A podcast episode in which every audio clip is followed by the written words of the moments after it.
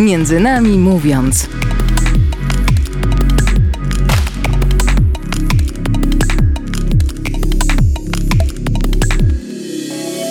Dzień dobry, tutaj audycja Między Nami Mówiąc, a w tym tygodniu przed mikrofonami Klaudia Wicińska i Stanisław Bresz. Boże Narodzenie zbliża się do nas wielkimi krokami i w każdej rodzinie obchodzone są e, one inaczej, a jednak można znaleźć wiele wspólnych zwyczajów, których przestrzega tak naprawdę większość z nas. I dzisiaj będziemy właśnie rozmawiać o różnych tradycjach, e, głównie tych świątecznych. A naszymi gośćmi są Zosia i Agnieszka Margraf, siostry, które razem prowadzą blog Ethnolove. Obie zafascynowane polską kulturą ludową. I może tak na początek mm, chcielibyśmy się was zapytać, e, skąd w ogóle się wzięła wam ta zajawka taka kulturą ludową? Okej, okay, to e, kiedy miałam 5 lat, zaczęłam tańczyć w dziecięcym zespole ludowym. Tak jak to bywa, że pięciolatki tańczą czasami w jakichś grupach tanecznych. I y, mi się na balecie nie spodobało, więc zaczęłam tańczyć w zespole ludowym.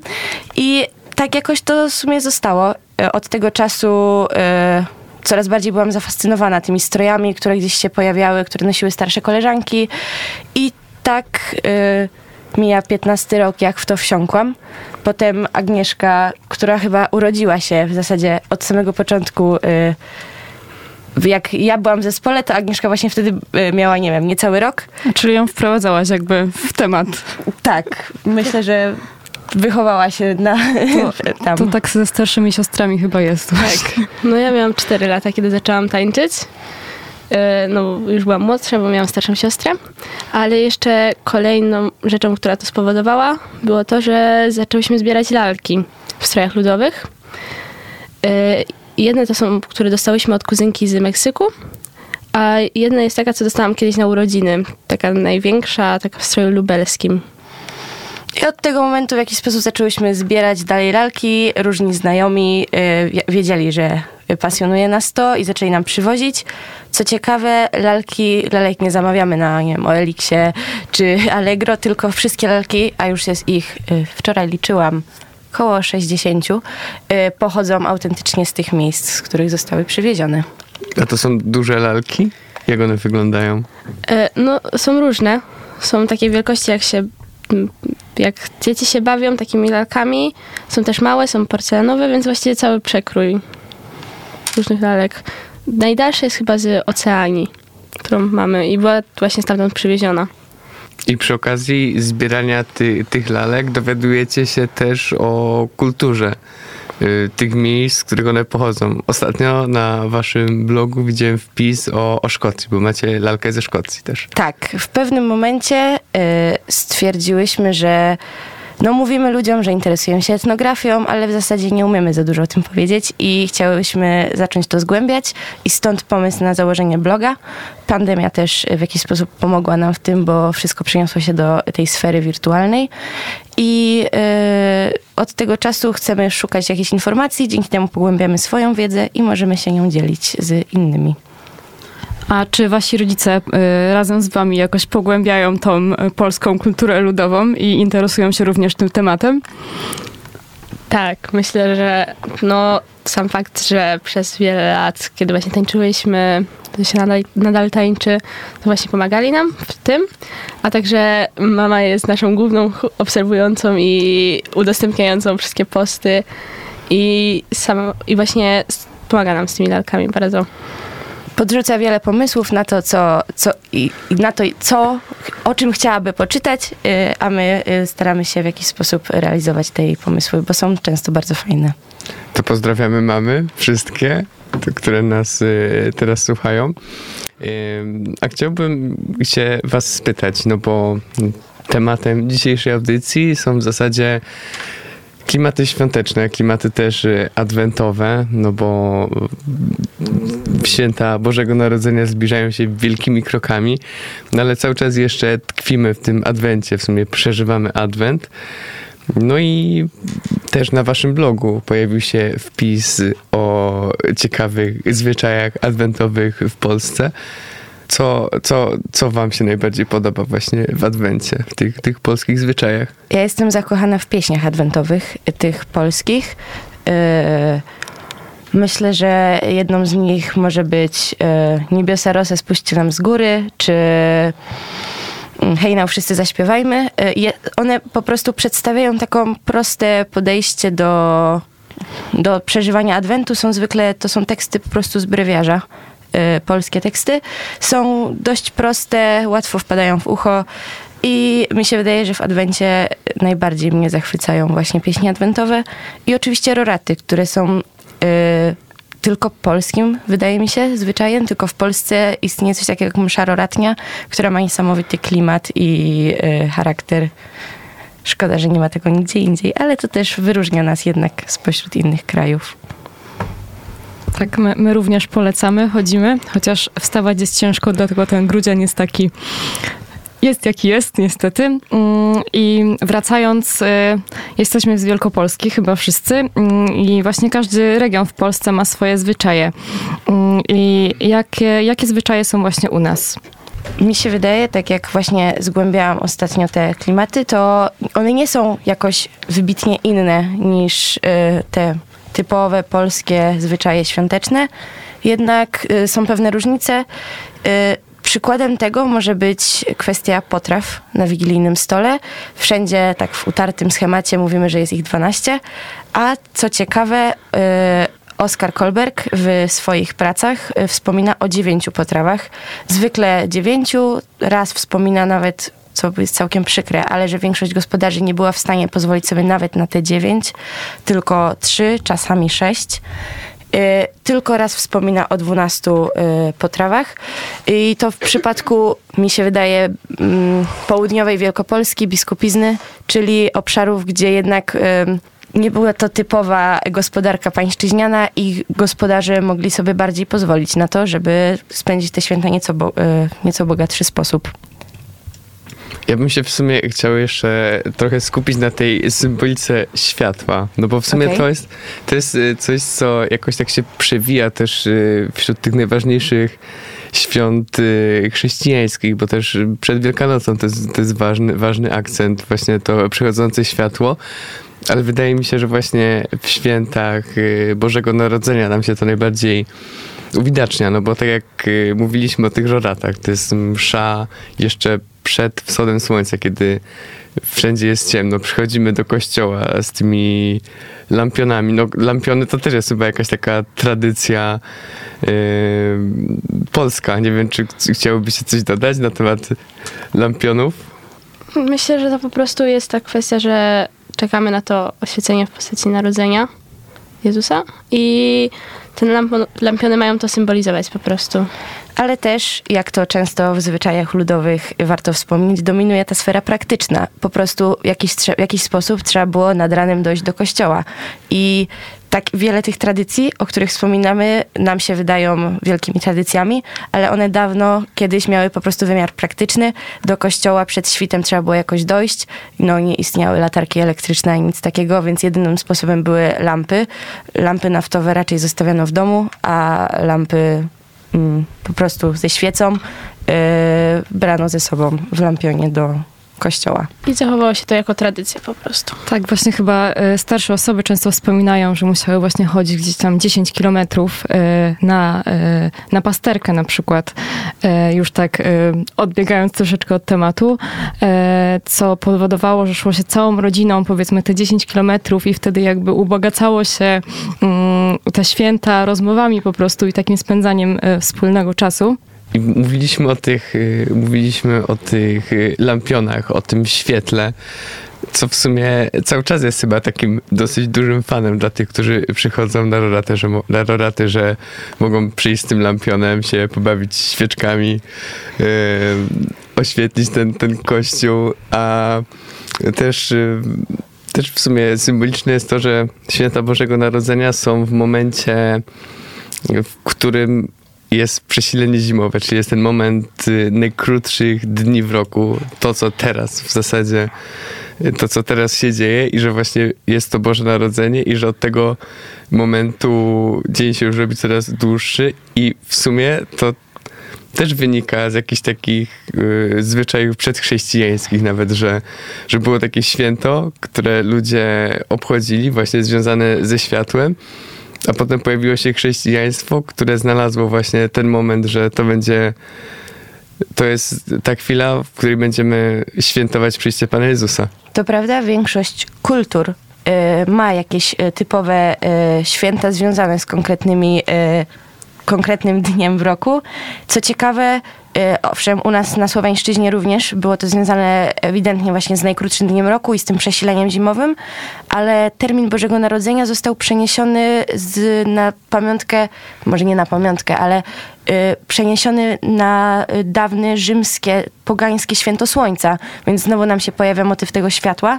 Y, Gdzieś czytałam, że było to tak, że Rzymianie to świętowali, z czasem zaczęli otwierać swoje świętowanie dla chrześcijan i po jakimś czasie chrześcijanie przenieśli po prostu ten termin, y, ten termin tą datę na swoje świętowanie, na nasze świętowanie Bożego Narodzenia. Wiele tradycji jest tak, że w różnych właśnie religiach, w różnych kulturach są bardzo podobne i chociaż tu jednak właśnie chrześcijańsko jest to świętowane, ale no wiele właśnie tradycji można zauważyć z pogańskich zwyczajów po prostu. Tak jak właśnie z tym rzy- rzymskim świętem słońca. Do tych różnych zwyczajów i też do tych nawiązań do czasów przedchrześcijańskich wrócimy po krótkiej przerwie muzycznej. Teraz, y, skoro mówiliśmy o, o Adwencie jeszcze, to posłuchamy utworu, jednego z tych, o których mówiła Zosia, które jej się szczególnie podobają, a będzie to utwór pod tytułem Niebiosa, rosę, spuśćcie nam z góry. Wracamy po krótkiej muzycznej przerwie. Tutaj audycja Między Nami Mówiąc. Naszymi gośćmi są Zosia i Agnieszka Markraw, siostry, które razem prowadzą bloga Etnolow.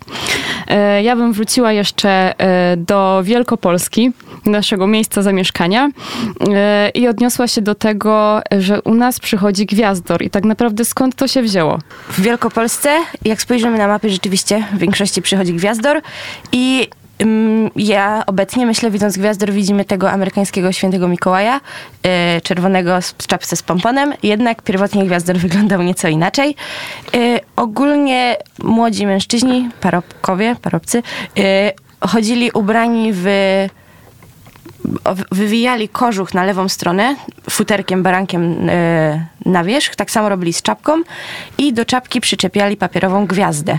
Od, przebierali się jakby za gwiazdę, gwiazda, gwiazdor i stąd ta nazwa. E, ich głównym zadaniem było straszyć e, dzieci. E, Straszenie dzieci polegało na tym, że zwykle albo gonili ich po ulicach, albo wchodzili do domów, wyciągali je, kazali im e, mówić pacierz. Jeśli dziecko się pomyliło, no to uhu, niedobrze dla tego dziecka. Tak samo pytali rodziców, czy było grzeczne i jeśli dziecko było grzeczne i pamiętało pacierz, to mogło, e, to dostawało pierniki, cukierki, e, jakieś e, jabłka. Jeśli nie było grzeczne, no to e, rózgą, które każdy gwiazdor trzymał w ręce, otrzymywało okrutne cięgi, jak to pisze e, Oskar Kolberg. Co ciekawe, nie zawsze te konfiguracje, jak gwiazdor chodził, z kim chodził i gdzie, się różnią w zależności od regionu. Na południu chodziły stare Józefy, To mm, działało mniej więcej na tej samej zasadzie co Gwiazdor. Byli to, byli to parobkowie przebrani za starców. E, No i tak samo chodzili po domach i właśnie tak samo jak Gwiazdor właśnie pytali się, czy dziecko było grzeczne y, oraz, czy, oraz pytali się o pacierz i to właściwie tak samo jak Gwiazdor. W innych regionach Polski też nie zawsze jest to święty Mikołaj. Może być to aniołek, gwiazdka, dzieciątko, więc aczkolwiek Gwiazdor jest chyba najbardziej, że wiadomo, że to jest teren wielkopolski.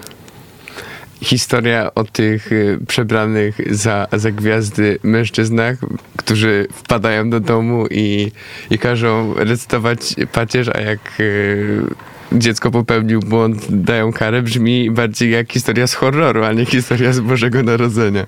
To prawda, jak to czytałam, to w większości miałam poczucie, że to, co my obecnie kojarzymy, y, że ale miło, fajnie, y, właśnie Gwiazdor czy Święty Mikołaj kojarzy nam się z prezentami. y, Na, w kulturze miał raczej zestawienie bardziej z nasileniem negatywnym, no chociaż pierniki, orzechy, cukierki czy jabłka były całkiem... myślę, atrakcyjną nagrodą, bo Kolberg gdzieś tam też nawet wspomina, że raczej nie przewidywano dawania podarków y, dzieciom w Wielkopolsce, że te, tymi podarkami były te drobiazgi w postaci właśnie orzechów czy, czy jabłek. Czyli gwiazdor z Laponii pojawił się dopiero po jakimś czasie. Nie, nie, nie przychodził do Wielkopolski od początku. Tak, ale nie wiem szczerze, kiedy się pojawił u nas gwiazdor z Laponii. Myślę, że jest to jakoś związane z, też z napływem kultury amerykańskiej do Polski. No i gwiazdor z Laponii już nie, nie każe recytować pacierza, więc No mi nie kazał.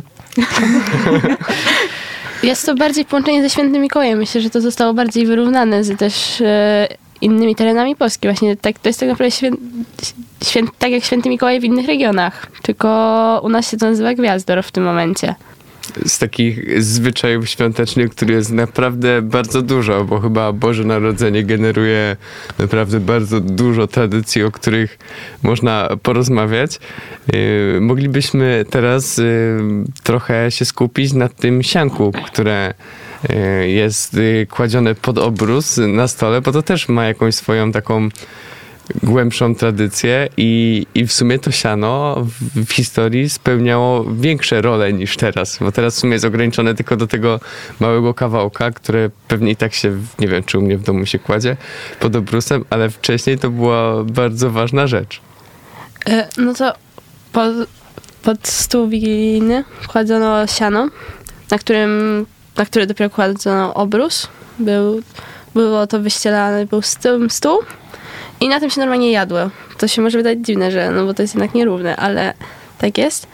E, Ale także kładzono snopek siana pod e, słomę pod w ogóle stół. Było to kładzone pod stół. Nie tylko właśnie tak jak, e, że pod obrus, tak mi, minimalna ilość, tylko właśnie i duża ilość i pod stół. Ale też e, są także czasami kładło się w innych miejscach w domu. E, Pęczek słomy zabierał się także na jucznie oraz e, na mszę, która się nazywała pastorałka. Tak, y, siano i słoma miały nam przypominać o, o tym, co mniej więcej nadal jednak zostaje, o ubóstwie, o tym, że Jezus narodził się w szopie betlejemskiej, w żłobie, na sianie właśnie. Dlatego też siano było nieodłączną częścią wystroju y, bożonarodzeniowego domu. Jednak myślę, że musimy zdawać sobie sprawę, że dla nas siano ma wymiar symboliczny. Tam też miał wymiar symboliczny, tylko dostępność tego siana była dużo, dużo większa. Y, Większość, y, jednak każdy gospodarz posiadał ilości siana, więc był w stanie to siano też postawić w chacie, w izbie, w której jedli wieczerzę wigilijną. Z sianem i słomą wiąże się też tradycja y, związana z wróżeniem. Y, po dzień później, 25 grudnia, y, młodzi chłopcy i dziewczęta ciągnęli słomki z pęczka słomy i jeśli taka słomka wyciągnęła za sobą jeszcze jedną słomkę, oznaczało to rychłe za mąż pójście lub y, rychły ożenek. Y, Co ciekawe, można było też wywnioskować to, jaki będzie przyszły kandydat czy kandydatka.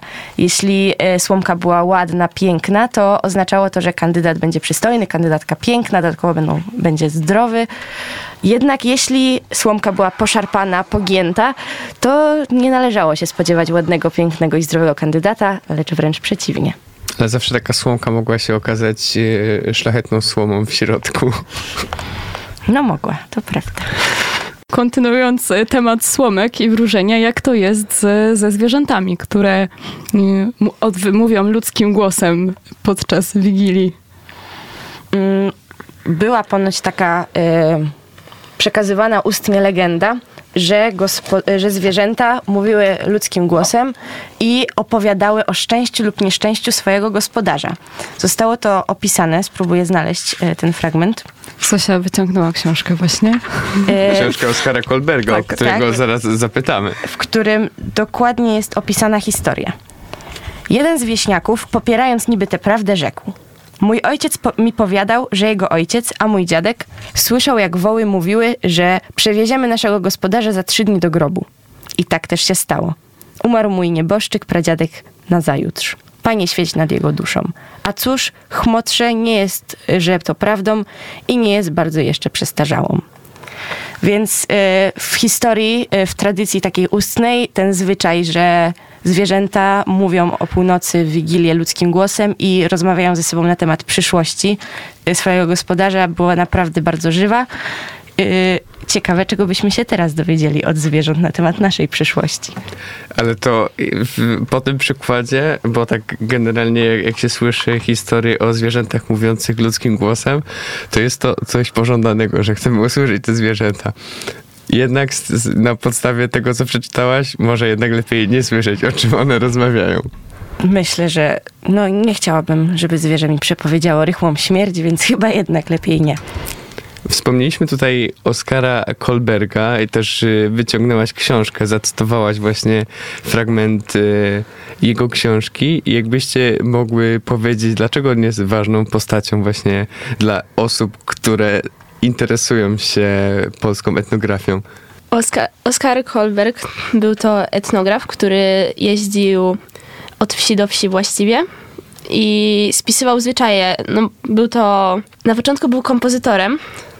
Co ciekawe, jego nauczycielem fortepianu był ten sam, co uczył Fryderyka Chopina. I on zaczął jeździć od wsi do wsi, na początku spisując melodie ludowe, e, a potem to się przerodziło w też tradycje z danych miejsc. I opisuje bardzo dokładnie, bo w książkach Oskara Kolberga da się znaleźć dokładną nazwę wsi, w której był dany zwyczaj.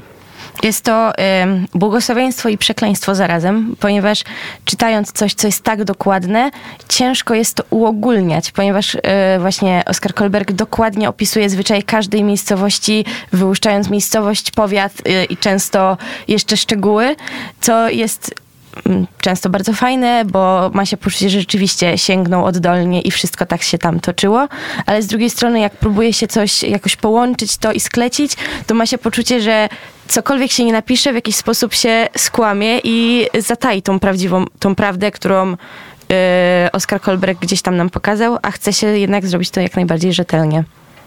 No i w sumie praca Oskara Kolberga też się wiązała z y, jego taką, takim poczuciem misji, opisania tych polskich zwyczajów, no bo akurat jego życie przypadło w momencie, kiedy Polska znajdowała się pod zaborami i, i dla niego to była jakaś misja pewnie, żeby ten, żeby opisać to, żeby ta, ta wiedza gdzieś nie zniknęła.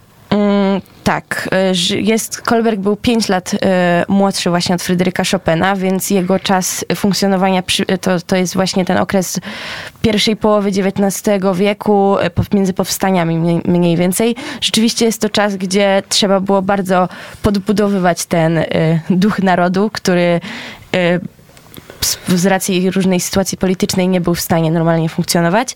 I myślę, że jego dorobek i spuścizna, która jest obecnie w około 90 tomach y, zawarta, y, będzie jeszcze przez długie lata dawała nam y, sporo informacji na temat tego, jak wtedy było.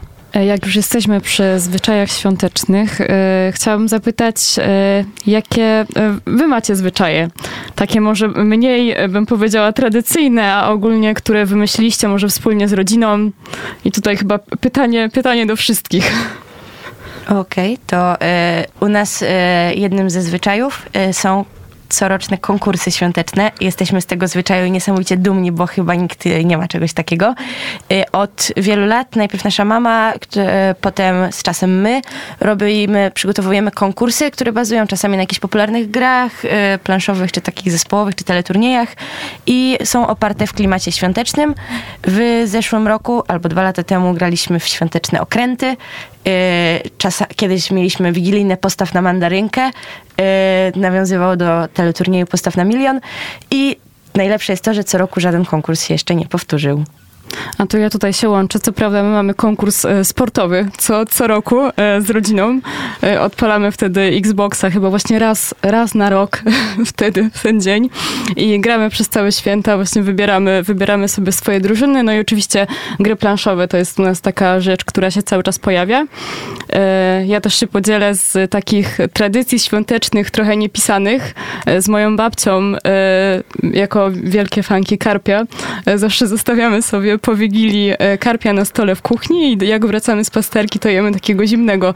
I ostatnio właśnie doszliśmy do wniosku, że to się tak naprawdę powtarza już od kilkunastu lat, nieprzerwanie, więc to jest jakby już nasza taka jakaś taka wspólna tradycja. E, jeszcze jakąś taką tradycją, która jest u nas w domu, to jest kolędowanie. Myślę, e, zarówno w Wigilię przy, w tym najbliższym gronie obie gramy na instrumentach i u nas śpiewu nie, nie braknie przy Wigilii, ale również jak jedziemy do naszej rodziny w no, ten okres Bożego Narodzenia i tam jest około 30 osób łącznie, to jest duże kolędowanie i jest wspólna zabawa i wszyscy chcą to robić. Kolędowanie to jest w sumie piękna rzecz i chyba w wielu domach w, w Polsce coś e, takiego się odbywa. I zawsze znajdzie się ta jedna osoba, która zna wszystkie zwrotki.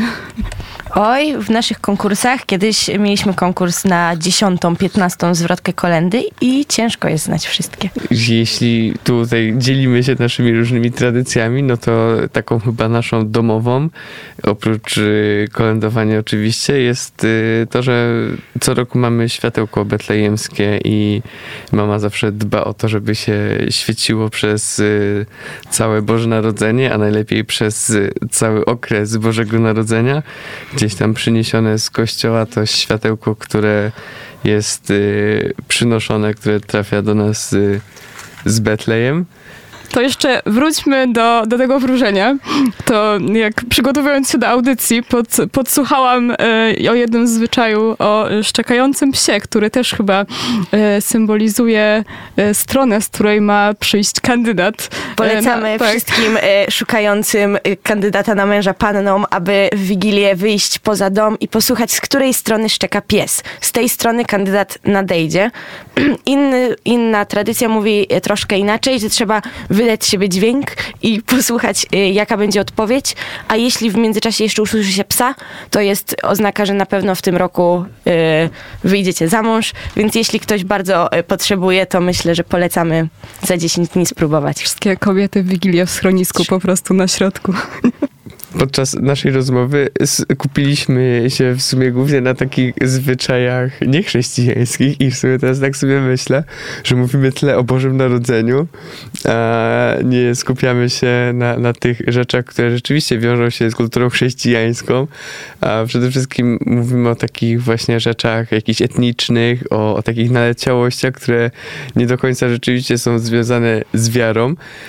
To może zakończmy w takim razie takim zwyczajem, o którym tutaj już przed chwilą wspomniałaś troszeczkę, yy, o pasterce. No bo to też jest y, ważna msza i, i chyba też dosyć szczególna dla, dla polskiej kultury.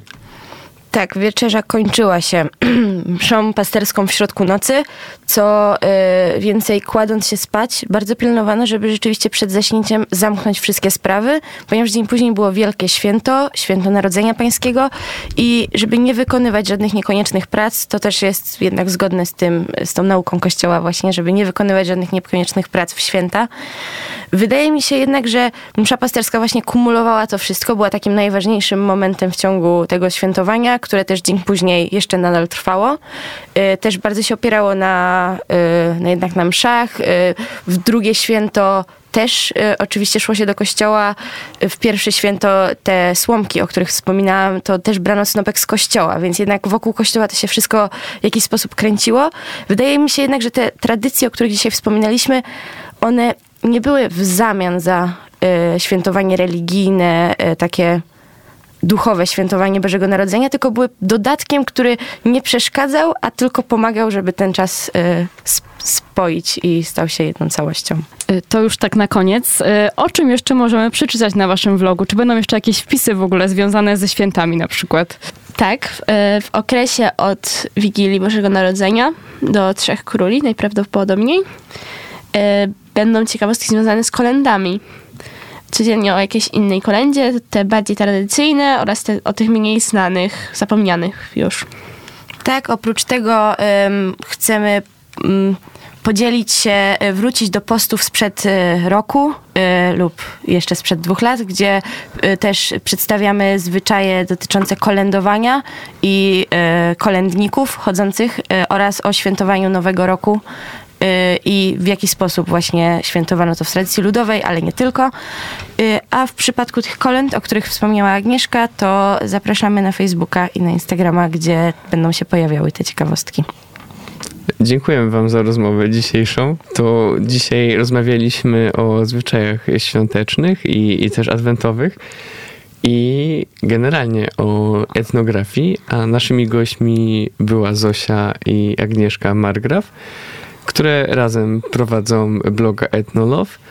A na koniec y, jeszcze powrócimy tematycznie do początku naszej audycji, bo na początku audycji Zosia powiedziała o tym, że jej y, zainteresowanie i w sumie też zainteresowanie Agnieszki ym, tym zgłębia- zgłębianiem wiedzy etnicznej zaczęło się od tańca. I, i tym tańcem też y, skończymy i posłuchamy po prostu podkładu muzycznego do jednego z polskich tradycyjnych y, tańców. A to była audycja Między nami mówiąc, y, przed mikrofonami Klaudia Wicińska.